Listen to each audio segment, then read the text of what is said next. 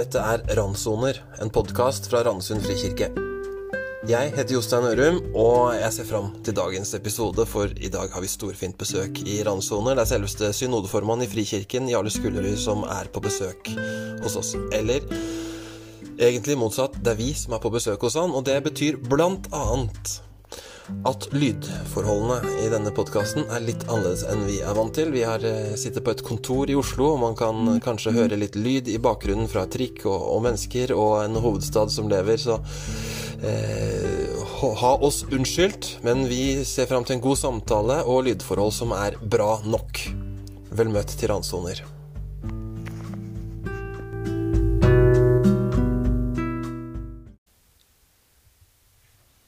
Velkommen til eh, Randsoner i Jarle Skullerud. Tusen takk. Her har vi rigga oss et lite studio på Frikirkens hovedkontor i Oslo. Og det er fint å sitte her sammen med deg med kaffen som du har eh, brygga hjemmefra. Ja, Det var best å ta med noe hjemmefra i dag. Ja, hvordan, hva, var, hva, var, dagens kaffe som du kom her med? Du, Det er en etiopisk kaffe som er brent av et brenneri på Sunnmøre i Ålesund, Jaku. god fermentert kaffe. Så, det, så ka kaffe er ikke noe Det er ikke spøk? Kaffe, kaffe er ikke spøk, altså. Det, der må kvaliteten være god. Ja, Og så skal jeg vente litt med å drikke den, for den skulle lavere temperatur, fortalte du meg her. Ja, så da, kan, da kan, vi snakke litt. Det kan vi gjøre. Ja, Men Jarle Skullerud, du er um, det vi i Frikirken kaller synodeformann. Ja. Hva er det for noe? Helt kort sagt? Ja, ve veldig kort sagt så er det eh, leder av eh, landsstyret, det som mm. kalles synodestyret, altså det øverste styret i Frikirken. Og så har jeg også det øverste tilsynsansvaret, eh, som eh, betyr at jeg sammen med nestformannen eh, utøver tilsyn med arbeidet til Frikirka nasjonalt og internasjonalt. Mm. Så en annen måte å si det på er at du er den øverste lederen i, i Frikirken ja. i Norge. Ja. Men uh, også i tillegg så er du også jobber i, lokalt i en menighet også, gjør du ikke det? Ja. Jeg har 20% i Oslo Østre ja. frikirke nå. Ja. Det, det, er fint. Å være en del av et lokalt team og forkynne litt og være med å utvikle menighet. For å ikke glemme hvordan det ser ut der ute? Kanskje? Ja, ikke minst. Altså, nå har jeg vært synodeformann i syv år. Eh, og det er klart at uh, ja, det var noe av grunnen til at jeg ønska meg tilbake til eh, lokal menighet for halvannet år siden. Mm. Du begynner å glemme litt. Hvor er det skoen trykker? Ja. Det er ikke bra. Nei, det ville jo ikke vært bra i tilfelle at en toppleder glemte det. Nei. Eh, så jeg har lyst til å snakke litt med deg Jarle, om, om hvordan altså, det, det, er hvor du er nå, men hvordan har du kommet hit? Hva er veien din hit? Og så mm. om, om, litt også skal vi touche innom det vi snakker om i Randesund frikirke i år. Altså Gamle testamentet. Jeg vet at du Ja, det blir bra. Ja, det. Du har et hjerte som banker for det. jeg gleder meg. Ja, Men du, hva hvordan, hvordan, kom du hit? ja, det, det, er lang, det, er en lang, reise. Eh, du får stoppe meg, men jeg er født og oppvokst på Gjøvik. Ja. Eh, og var mye på leir og på ungdomsmøter og i laget. og eh, Så det var, det var miljø for det på Gjøvik? Ja, det var det. Vi, vi var ikke mange. Men vi, vi rotta oss sammen fra ulike deler av opp, Oppland og Hedmark. Ja. Og hadde en veldig fin ungdomstid eh, på veldig mange måter. Mm. Og så uh, var jeg innom uh, Fjelløv skoler en periode etter å ha vært ettåring i Misjonssambandet i Oppland. Men disse tingene, disse tingene, her gjør du jo ikke Altså Var det tilfeldig, eller var det en grunn til at du ble ettåring? At du ja. valgte Fjellhaug? Hadde du en retning på livet fra ungdomstida? Visste du hva som venta? Hva slags liv, yrkesliv du skulle ha? Jeg, jeg, tror jeg forholdsvis tidlig eh, kjente på et, et kall til å, eh, å tjene Gud inn i en heltidstjeneste. Jeg trodde lenge at jeg kanskje skulle reise ut. Eh, men, og det skjedde noe den vinteren jeg var 17 år. Okay. Da reiste jeg på en stor misjonskonferanse i Nederland. Uh, Mission. Mission ja. mm. uh, og der, uh, der, opplevde jeg å på en måte få et nytt blikk både på andre mennesker og på misjon og på Gud. Mm. og jeg reiste hjem fra den nyttårskonferansen med, med, med, en klar tanke om at Gud ønska at jeg skulle gå inn i en heltidstjeneste. Og det har på en måte vært eh, eh, drivkraften i mye av de valgene jeg har gjort senere. Ja, så det, det, det var ikke sånn derre Jeg skjønner at mission ja, altså Det går gjetord om mission og tusenvis av mennesker og sånn. Det kan jo Ja. fort være et blaff. Det kan være en sånn følelse som bare En bølge som Ja. skyller gjennom salen, og så kommer man hjem, og så glemmer man det. Men for deg så, så blei det hos deg.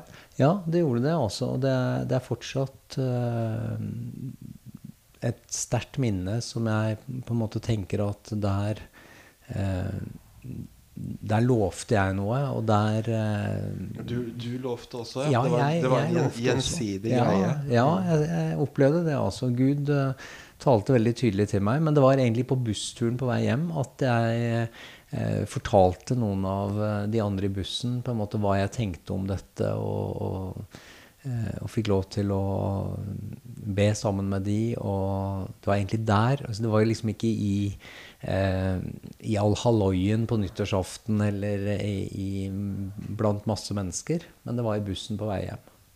Så da ble jeg litt nysgjerrig. Hva, hva tror du hadde skjedd hvis du ikke hadde satt ord på det på bussen hjem? Altså Hvis du bare hadde hatt det inni deg? Ja, det, det blir jo spekulasjoner, men Ja, Jeg, ja. jeg tror nok kanskje at jeg hadde Jeg, jeg syns det var Jeg syns allerede som ungdom det var spennende å få lov til å diskutere tro og fortelle om Jesus. Og Mm. jeg utfordra gjerne venner allerede på ungdomsskolen. Ja. Eh, Starta skolelag og eh, Så Men, men hvor jeg hadde vært i dag, jeg, det, det vet jeg jo ikke. Nei, bare tenk på det med kraften i å sette ord på ting. Altså hva det gjør med oss selv også. Ja, og jeg tror i hvert fall at uh, i mange situasjoner senere i livet har vært veldig betydningsfullt for meg. Både at jeg satte ord på noe da, uh, men også at jeg har hatt gode veiledere og sjelesørgere rundt meg som har uh, hjulpet meg til å til å sette ord på hva jeg tenker og føler om både om tjenesten, om livet og mm. utfordringer og gleder. Har det vært eh, Altså Dette høres ut som du Hva skal jeg si Som du er en av de heldige som på en måte hadde en klar tanke Eller når du forteller det fra her du sitter nå. Så opplevde du som 17-åring å få en retning. Og har, har den vært tydelig hele veien? Den veien, altså Kallet, som du kaller det. Ja, Den har vært tydelig i form av at jeg, eh, jeg har reformulert på en måte kallet mitt eh, flere ganger, men, men det har alltid landa på at jeg, jeg ønsker å eh, møte mennesker der de er. Eh, og hjelpe de et steg videre i riktig retning i livet. Eh, og, eh, og så har kallet forandra seg, og jeg har hatt mange ulike eh, både frivillige tjenester og, og lønna tjenester i Kristen-Norge. Eh, men det har liksom blitt litt til underveis. Og noen ganger har jeg undra meg veldig hvorfor ble det ikke sånn. Og, men når jeg ser tilbake, så opplever jeg nok at eh, Gud har, eh, har ført meg gjennom noe. Og i ettertid så har jeg vært glad for at et valg som jeg kanskje var misfornøyd med en periode, eh, at det faktisk ble sånn. Så, så man kan reformulere et kall underveis. Ja, det tror jeg. Jeg, jeg, jeg tror kanskje til og med det er viktig. Sånn at ikke man bare lever på noe som skjedde som 17-åring. Jeg er jo ikke 17 år lenger. Nei. Og jeg tenker annerledes i dag enn som 17-åring. Ja. Eh, Og jeg stadig forandra meg. Så jeg har måttet ha liksom funnet tilbake til og fornya min egen tilnærming til kallet, da. Eh, ja.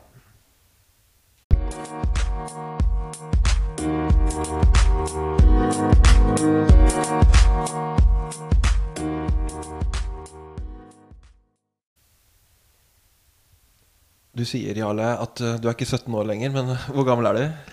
ja, nå er jeg 51. 51, ja. Ja. Og hvor- er du i livet? Jeg er i hvert fall blitt uh, morfar. Ja. Uh, og det gleder jeg meg veldig over. Jeg er morfar til ett og et halvt år gamle Hedvig, eh, som bor ikke så kjempelangt unna oss i Oslo. Eh, og så er jeg far til tre flotte døtre, eh, som alle er ute av redet nå. Ok, Så det er- god plass hjemme? Det er det. Ja. Det er det blitt. Og så har jeg kone, Heidi. Og vi møttes allerede på videregående på internatskole, så vi har vært sammen siden vi var eh, 17 år. Ja. Hadde hun nå altså, Nå har du sagt 17 år på to skjellsettende ting i livet. Ja, var, ja. var stor tid. Ja, det var, det var en eh, viktig tid. Ja, det var det. Absolutt. Hadde det noe med hverandre å gjøre? Heidi. Heidi og Gud kom inn i livet? Ja, Eller Kalle? eh, ja jeg, jeg tror det kanskje hadde noe med hverandre å gjøre. Vi, vi har delt et kall, vi, vi tenkte jo sammen på dette med misjonærtjeneste og sånn.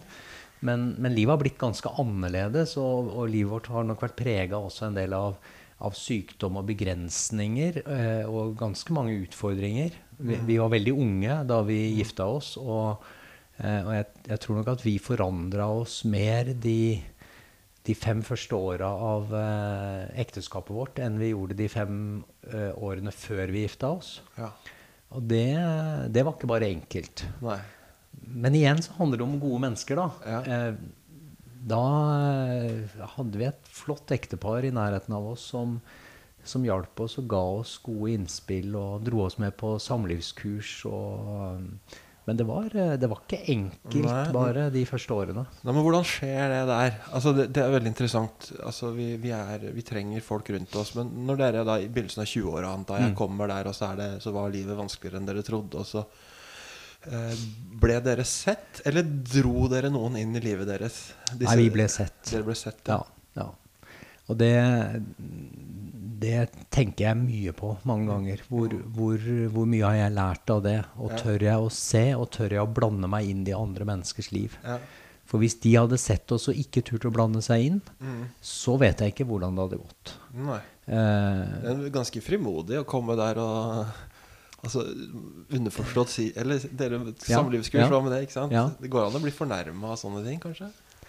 ja, og, og i ettertid så kan jeg kanskje tenkt at eh, at hadde jeg forstått mer, så kunne jeg ha blitt fornærma.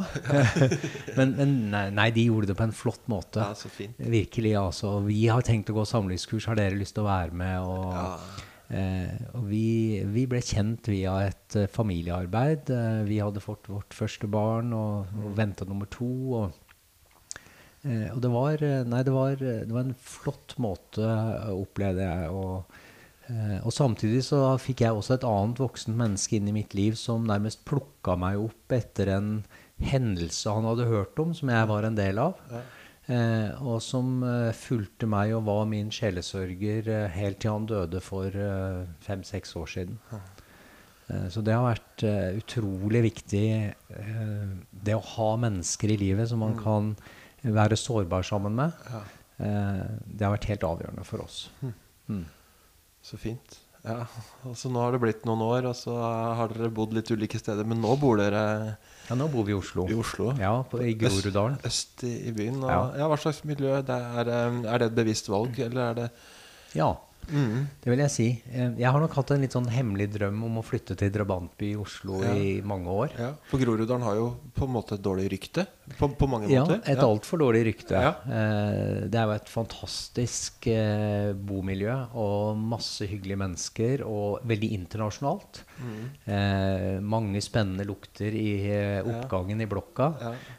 Og, og en god del mennesker som har mye bedre tid enn det jeg har. Ja. Så noe av utfordringen min er å, å lære meg til å roe ned litt og gå litt saktere i livet for, Ja. å, for å bygge relasjoner. Hm, ja. Så det er eh, noen som har dratt deg dit? Eh, altså Du kunne bodd på vestkanten, ikke sant? I sikkert et annet miljø, andre lukter i oppgangen og sånn? sant? Nei, jeg, tror, jeg tror Heidi og jeg passer bedre inn på østkanten. Altså. Jeg Ja, tror vi er mer eh, ja, føler oss mer hjemme der. Og, Ja. eh, og så finnes det jo alle slags mennesker overalt, Ja, ja, så det, det er nok litt for mange stereotyper ute og går også. Eh, men nei, vi, vi trives. Jeg er glad for å bo nært Oslo sentrum. Nær eh, barn og barnebarn. Og, eh, og er jo inne i en litt sånn ny fase av livet. Må finne ut litt sånn hva, hva gjør to voksne mennesker eh, når alle barna har flytta ut. Og, og det har òg sine Ja. utfordringer. Har, du, har du funnet ut det, bortsett fra kaffebarista-virksomheten Ja, ja. din? Hva, hva gjør, to, hva gjør Jarle Skullerud når tre barn har flytta hjemmefra? Ja, jeg, jeg, jeg har nok ikke landa helt. Eh, og, og det Jeg nevnte jo dette med sykdom. Jeg har, har en kone som, som er mye syk. Sånn at vi må finne den balansen også. Hva, hva, hva orker vi sammen, og hva orker vi hver for oss? Eh, og så har det vært covid eh, siden vi flytta inn i Oslo. Så det, det, gjør det også litt vanskelig. Men jeg, jeg har nok lyst til å, å, bruke mer tid med mennesker i nabolaget. Mm. Og, og, er nysgjerrig på å bli kjent med litt nye mennesker fra både andre eh, kulturer og med annen bakgrunn enn meg sjøl. Ja.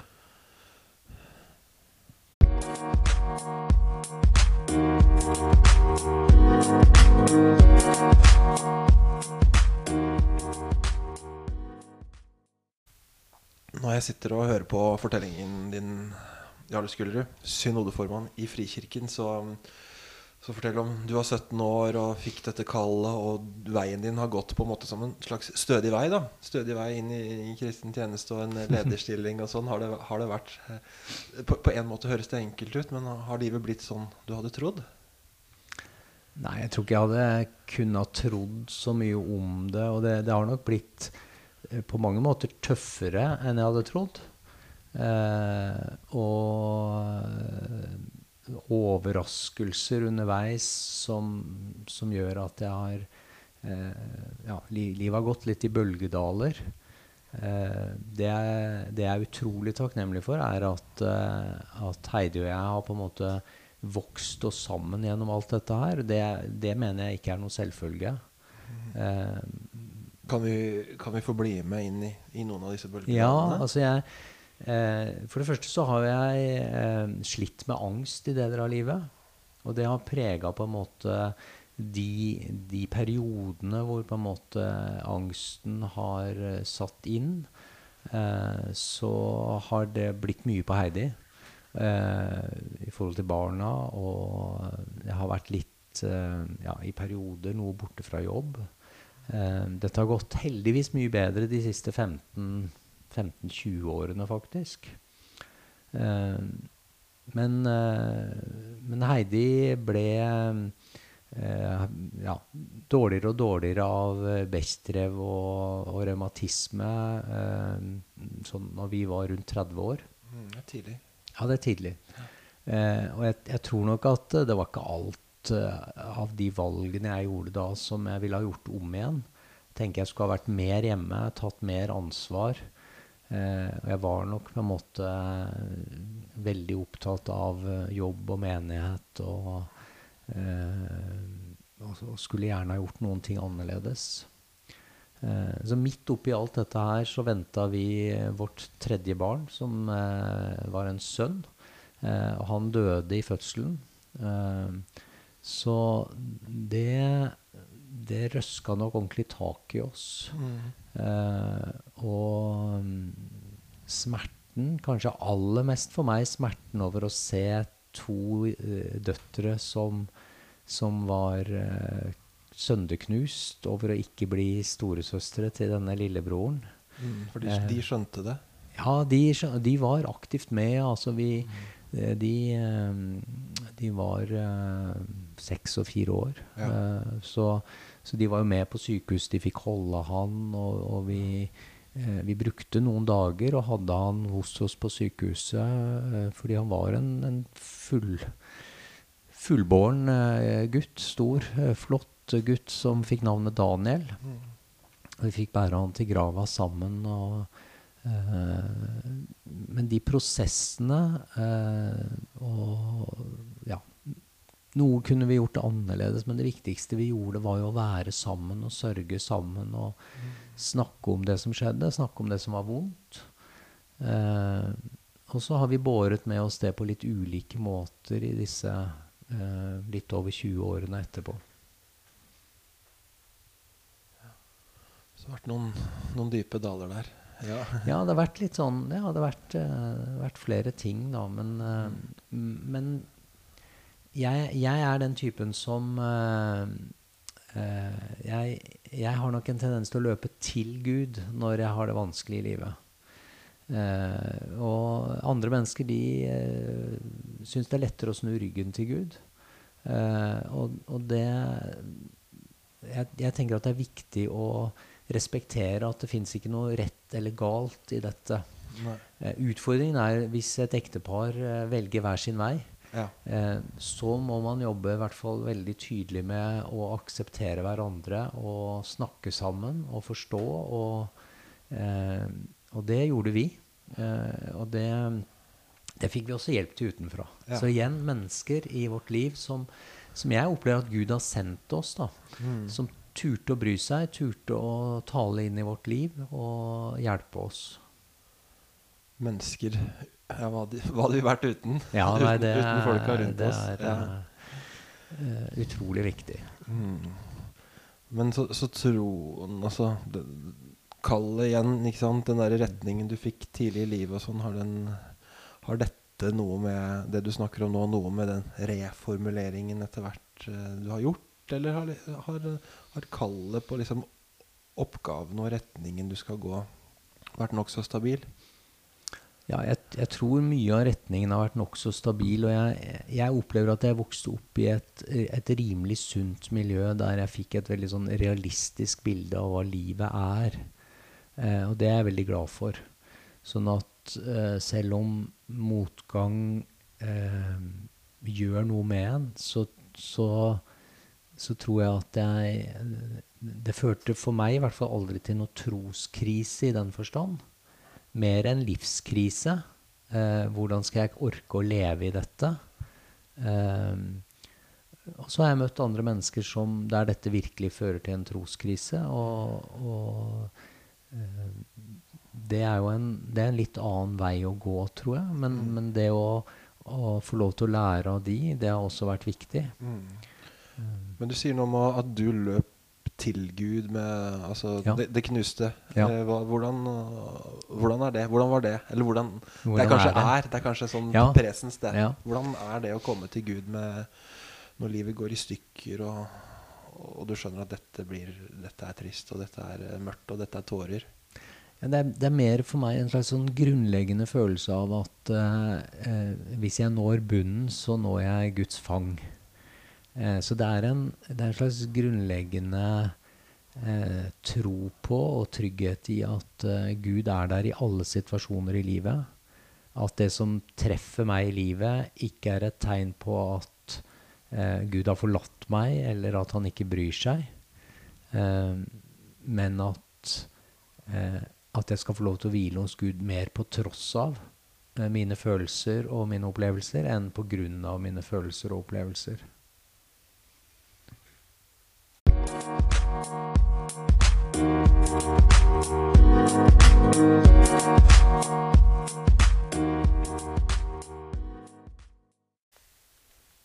I Randesund frikirke i år, i både altså, for så vidt podkaster, men også i det som skjer i gudstjenestene, og opplegg som vi lager til å både studere både på egen hånd og sammen med andre, så, så er det Bibelen som vi går fullt inn i nå.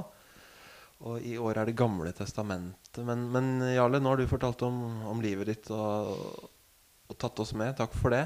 Men jeg har lyst til å spørre deg den boka, Ja. Bibelen. Ja. Hva er det for noe for deg? Hva er den? Ja, det er jo eh, eh, det, er et, det er et vanskelig spørsmål, syns jeg. Mm. Fordi det er eh, Bibelen er eh, Det er eh, i perioder en veldig spennende bok. En, en bok som eh, Der jeg henter både trøst og styrke og forståelse for livet mitt eh, og for verden rundt meg. Mm. Eh, og så kan det være en ganske eh, traurig bok til tider også. Litt sånn eh, følelse av en sånn burde-ting. Ok. Eh, men jeg, jeg har vel kanskje mer og mer de siste årene kjent på en veldig sånn frihet. da. En glede over å, å kunne gå inn i en rytme og lese regelmessig.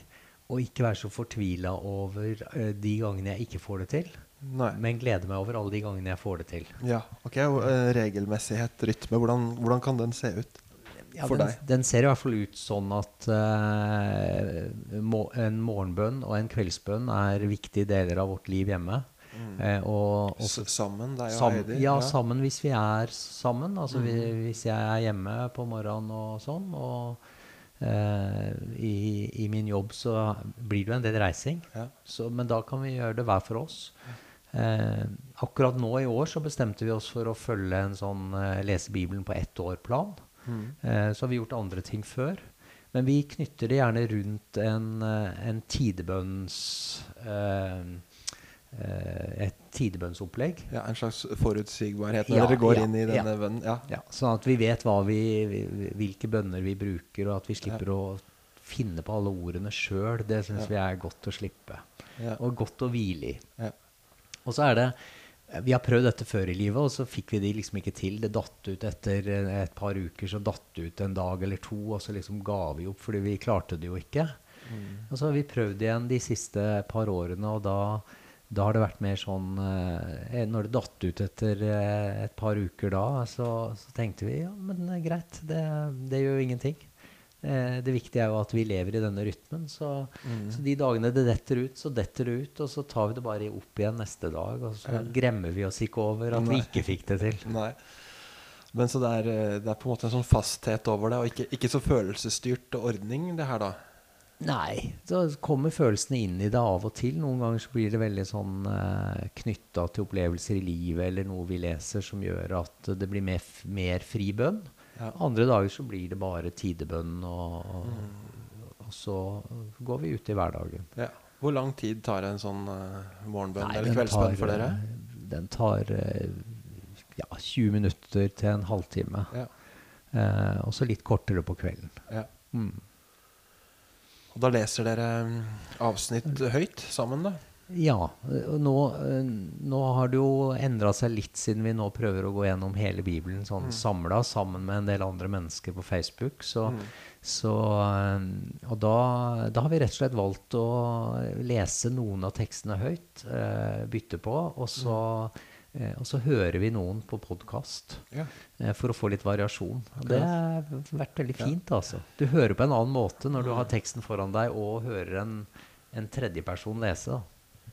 Så da har ikke du noe sånn hva skal jeg kalle egen uh, bibellesning, hvor Jarle Skullerud sitter i et rom med lukket dør aleine med Bibelen og leser ikke, ikke, sånn i tillegg til disse Nei. faste eh, men, men, når ikke Heidø er på mm. samme sted, så er vi jo alene hver for oss. Selvfølgelig. Og så eh, er det nok uh, altså den kampen jeg har kjent i forhold til bibellesning hele livet, mm. uh, fordi jeg har hatt de, de, jobbene jeg har hatt, det er jo på en måte denne balansegangen mellom å, å lese for min egen del og å lese for å gi noe til andre. Mm. Eh, så jeg, jeg, leser nok mer alene når jeg forbereder meg. Og, og, da er det jo ofte til meg selv også. Eh, jeg ønsker å være personlig og ønsker å på en måte videreformidle det jeg selv lever i. Mm. Eh, og, og, gjør nok mer og mer det. At jeg, eh, hvis ikke jeg skal bruke søndagens tekst et sted, så henter jeg ting opp fra livet der jeg er akkurat nå, og prøver å videreformidle det. Mm. Um, ja, så det, det er nok uh, stillheten og alene. Ja. Eh, og så er det rytmen og det som kommer til meg selv. Det er, det er veldig fint å kunne dele det med ektefellen. Mm. Mm. Du brukte ordet når du snakka om bibellesning, kamp. Er det, ja. uh, er det en kamp som er verdt å ta? Ja, det er det. Ja. Men det er ikke en kamp som er verdt å ta hvis du hvis du hele tida kjenner på dårlig samvittighet, og da, da, tror jeg mer kampen er å finne den derre eh, Den hvilen som jeg opplever at, at, jeg endelig har funnet. da. At jeg ikke fokuserer på de gangene jeg ikke får det til, og hvor lenge jeg burde fått det til, osv. Men at jeg fokuserer på de gangene jeg eh, får det til. Og mm. at jeg ikke er så opptatt av at det skal være så følelsesmessig styrt, eller at det skal være på en helt bestemt måte at jeg opplever det. Men, men at jeg, jeg, har Bibelen, og jeg har litt tid alene der, eh, der jeg får det til. Mm. Uh, sånn fungerer det for meg. Og så ja. må sikkert andre finne sin måte å gjøre det på. da. Men jeg, jeg tror jeg opp gjennom årene har både brukt for mye energi sjøl på uh, å gjøre bibellesningen til et slit ja. Eh, og jeg er redd jeg også kanskje har formidla det på en måte som, som, gjorde at jeg hadde veldig behov for å gå i andre retningen en periode av livet. Mm. Så har jeg i, i, mer voksen alder klart å finne liksom, ja. ut at her må jeg finne en balanse. Ja. Hvordan tror du det hadde vært nå hvis, du, måte, hvis jeg sier til deg at nå, eh, nå får du ikke lov til å åpne Bibelen, du får ikke lov til å høre bibelvers, du får ikke lov til å lese i den på, på to måneder? Da, det tror jeg hadde vært vanskelig, faktisk. Ja. Ja, det tror jeg. Jeg, jeg, tror, eh, jeg tror at det eh, og, og, jeg, og, jeg, tror det hadde prega livet mitt. Jeg tror at det hadde gjort noe med livet mitt som Eh, som hadde ja, gjort at prioriteringene ble annerledes. At jeg liksom eh, levde på en litt annen måte i livet. Jeg, jeg, tror kanskje det hadde blitt mer kaotisk, livet mitt. Mm. Eh, hvis jeg, ja, da måtte jeg eventuelt erstatta det med en annen eh, type rytme. da. Ja. Eh, og det, jeg vet ikke om det hadde fungert på samme måte så er det jo god sjanse for at den der bønnerytmen du eh, bruker mm. morgen og kveld, også er ganske marinert i bibelvers. Ja, ja, de fleste ja, bønneordninger er jo også det, faktisk. Så da, da, hadde du ikke hatt mye igjen hvis vi skulle ta ut nei. bibelordene nei, nei. Av, rammeverket ditt. Nei. nei. Du, da har jeg lyst til å spørre deg være litt mer konkret her. Og så spørre deg om én bok i Bibelen. Første Mosebok. Det er jo en bok som mange har begynt på, i hvert fall. Ja. For det er jo den første i, første i Bibelen. Ja. Har, har, du noe forhold til den? Det er jo en svær eh, Altså, den, den, spenner vidt. Ja. Eh, ja, jeg har Altså, jeg er Jeg må innrømme at jeg er begeistra. Jeg, jeg lar meg fascinere, og jeg syns den er jeg syns den er utrolig presis i sin beskrivelse av eh, mennesket og av Gud. Mm. Og det fascinerer meg. Mm. Og så ser jeg jo at det er, det er, mange ting man kan stusse ved og kanskje reagere på, men, men jeg tror at eh, jo, jo, mer man tar seg tid til å lese litt om, om bakgrunn og få litt hjelp til liksom, å, å, forstå eh, hvordan eh, Første Mosebok er skrevet, og, og hvilken tid eh, på en måte Abraham og Isak og Jakob levde i, så, eh, så tror jeg at man kan forstå mer og mer, og faktisk eh, lære mye av det. Ja, For første Mosebok er jo Den starter jo helt bak hva skal jeg si, i, i det blå, liksom. I, i, ja. i førhistorisk tid. Og det var ikke noe sånn Vi tror ikke at det satt et, en journalist og, og på en måte rapporterte fra verdens skapelse eller det som skjedde i den såkalte urtiden. Så, så det, det, er jo liksom store fortellinger om menneskelige ting. Det er syndeflod, det er syndefall, det er Edens hage. Og så, mm. og så er det folk som blir veldig gamle. Og så er det Noah og en sånn flod over verden. Og Gud lover at det, det, blir bare den ene gangen her. Mm, at jeg, mm. jeg, skal gjøre dette og utrydde menneskene. Og så uh, og så kommer jo Abraham da etter noen kapitler, og da, der, der er det sånn taktskifte. Men kan jeg spørre deg om det? Hvordan, hvordan, leser du de Eller hva, hva, skal vi, hva, skal vi, tenke om de der førhistoriske hendelsene? Jeg, jeg, tenker nok at det, det, er eh, Det er først og fremst veldig mye kunnskap om på en måte eh, hvem, hvem Gud framtrer som. Og Eh, og jeg, jeg syns den forteller oss mye om menneskeheten. Og, og, jeg tror vi må lese disse historiene også som en, eh, en, på en, måte en fortelling om eh, eh om ideen, eh, verdens skapelse, starten, og hvordan på en måte Så jeg, jeg, jeg, leser ikke dette sånn bokstavelig, men men sier heller ikke at, eh, at det på en måte ikke har skjedd. Eh, men, eh, men, tanken om liksom eh, at dette er en, eh, en bokstavskildring, eh, mm. det, det, tror jeg nok kanskje ikke. Nei, for det er jo en del i de, de kapitlene som vi bruker rett og slett som basis for uh, teologisk tenkning. Altså skaper. Ja. Skapelsen av verden. Den er jo veldig viktig for hvordan man tenker om, om veldig mye. Ja, ja. Så, så, det er jo på en måte et at. At, at Gud Absolutt. skapte verden. Og, ja, mm. ja. og, jeg, og jeg, jeg, tror det er viktig for teologien vår å, å på en måte eh, starte der. Mm. Eh, og at at hele, altså hele Første Mosebok og hele Det gamle testamentet hjelper oss jo også til å forstå eh, Det nye testamentet. Ja. Eh, på en rett måte. Ja. For det jo, bare I de to første kapitlene er det jo to skapelsesberetninger. Og der er det jo Vi har jo grunnlaget for veldig mye, for eksempel, både på, i forhold til bioteknologi, i forhold til menneske, altså hvile og arbeid, ikke sant? og forvaltning og rettferdighet i verden. Og mann og kvinne skaper han dem til. Og, ikke sant? Vi finner basisen for veldig mye Ja. der. Altså. Ja, absolutt.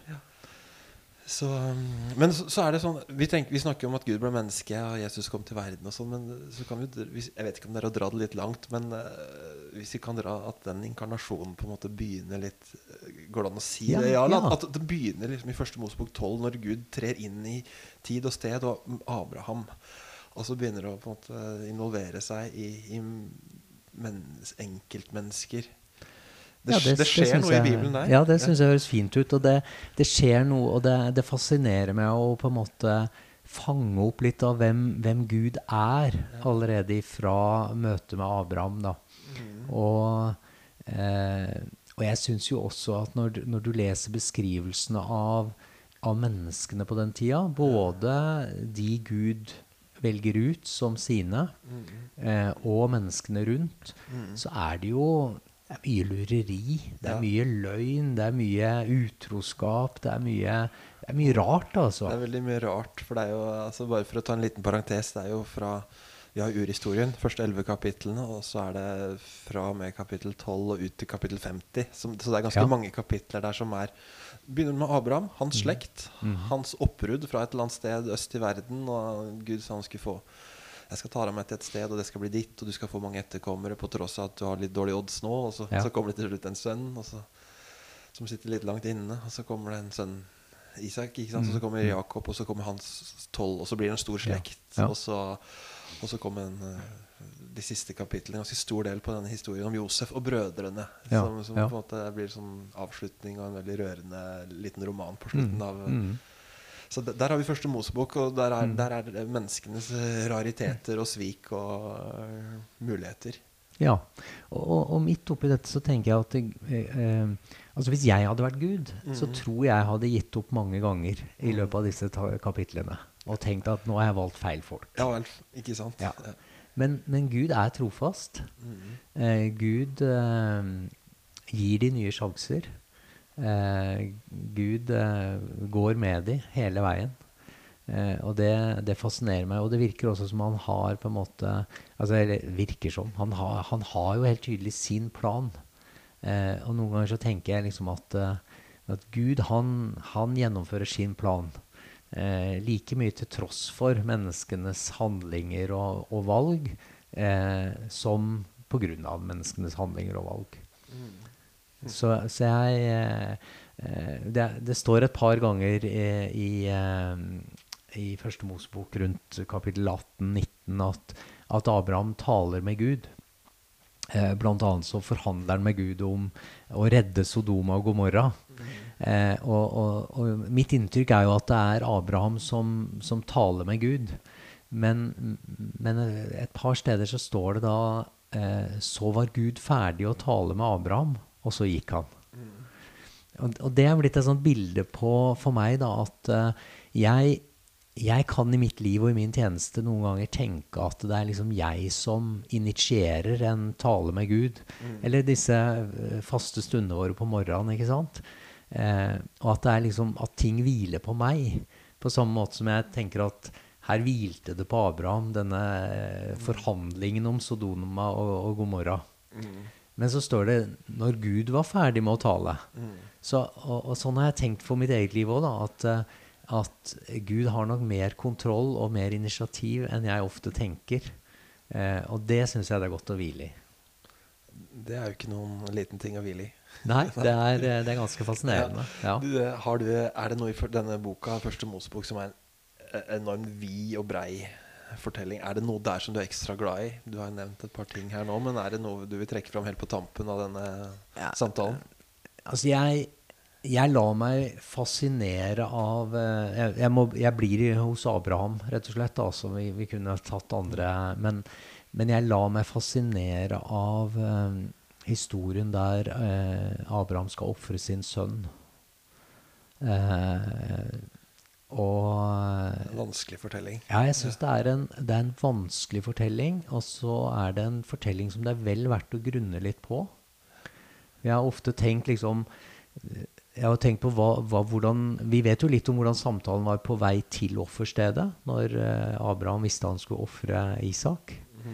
Eh, Gud sier han off, ta med din sønn og ofre han. Ja, ja. Mm. Og han får beskjed fra Gud, og så eh, Og så viser Gud han et annet eh, offer der, ikke sant? Eh, Denne bukken som, eh, som han får lov til å ofre i stedet.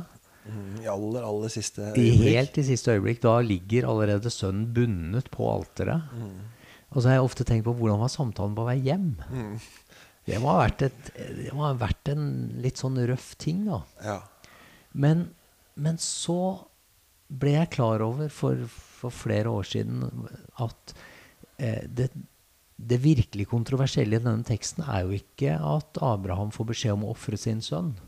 Fordi dette var i en tid da det var vanlig å sette barn ut i skogen hvis man fødte feil kjønn, eller man fikk for mange barn så, og ikke ville ha de, så satte man de ut i skogen. Og, og, og folket som bodde rundt Abraham, de, eh, de ofra jo til sine guder. Og, og jeg tror slett ikke det var så utenkelig at de ofra også eh, sønner og døtre, i hvert fall sønner og døtre til slavene sine.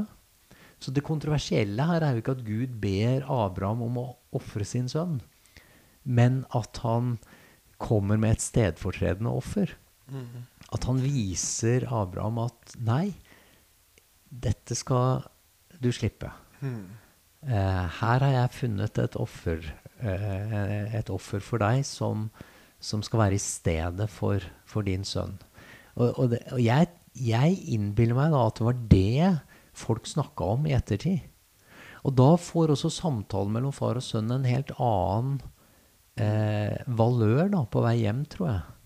Eh, vi, har, vi har så lett for å tenke i den vestlige verden at eh, det må jo ha vært helt forferdelig eh, for Isak. Mm.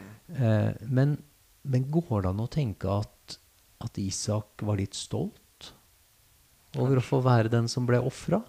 Altså det fins masse religiøse mennesker i dag som, som gjerne ville gå i døden for sin gud. Altså, Jeg sier ikke at dette er enkelt, men jeg sier at eh, jeg, jeg tror at vi gjør en stor feil hvis vi ser på dette med moderne vestlige øyne og dømmer historien ut fra det.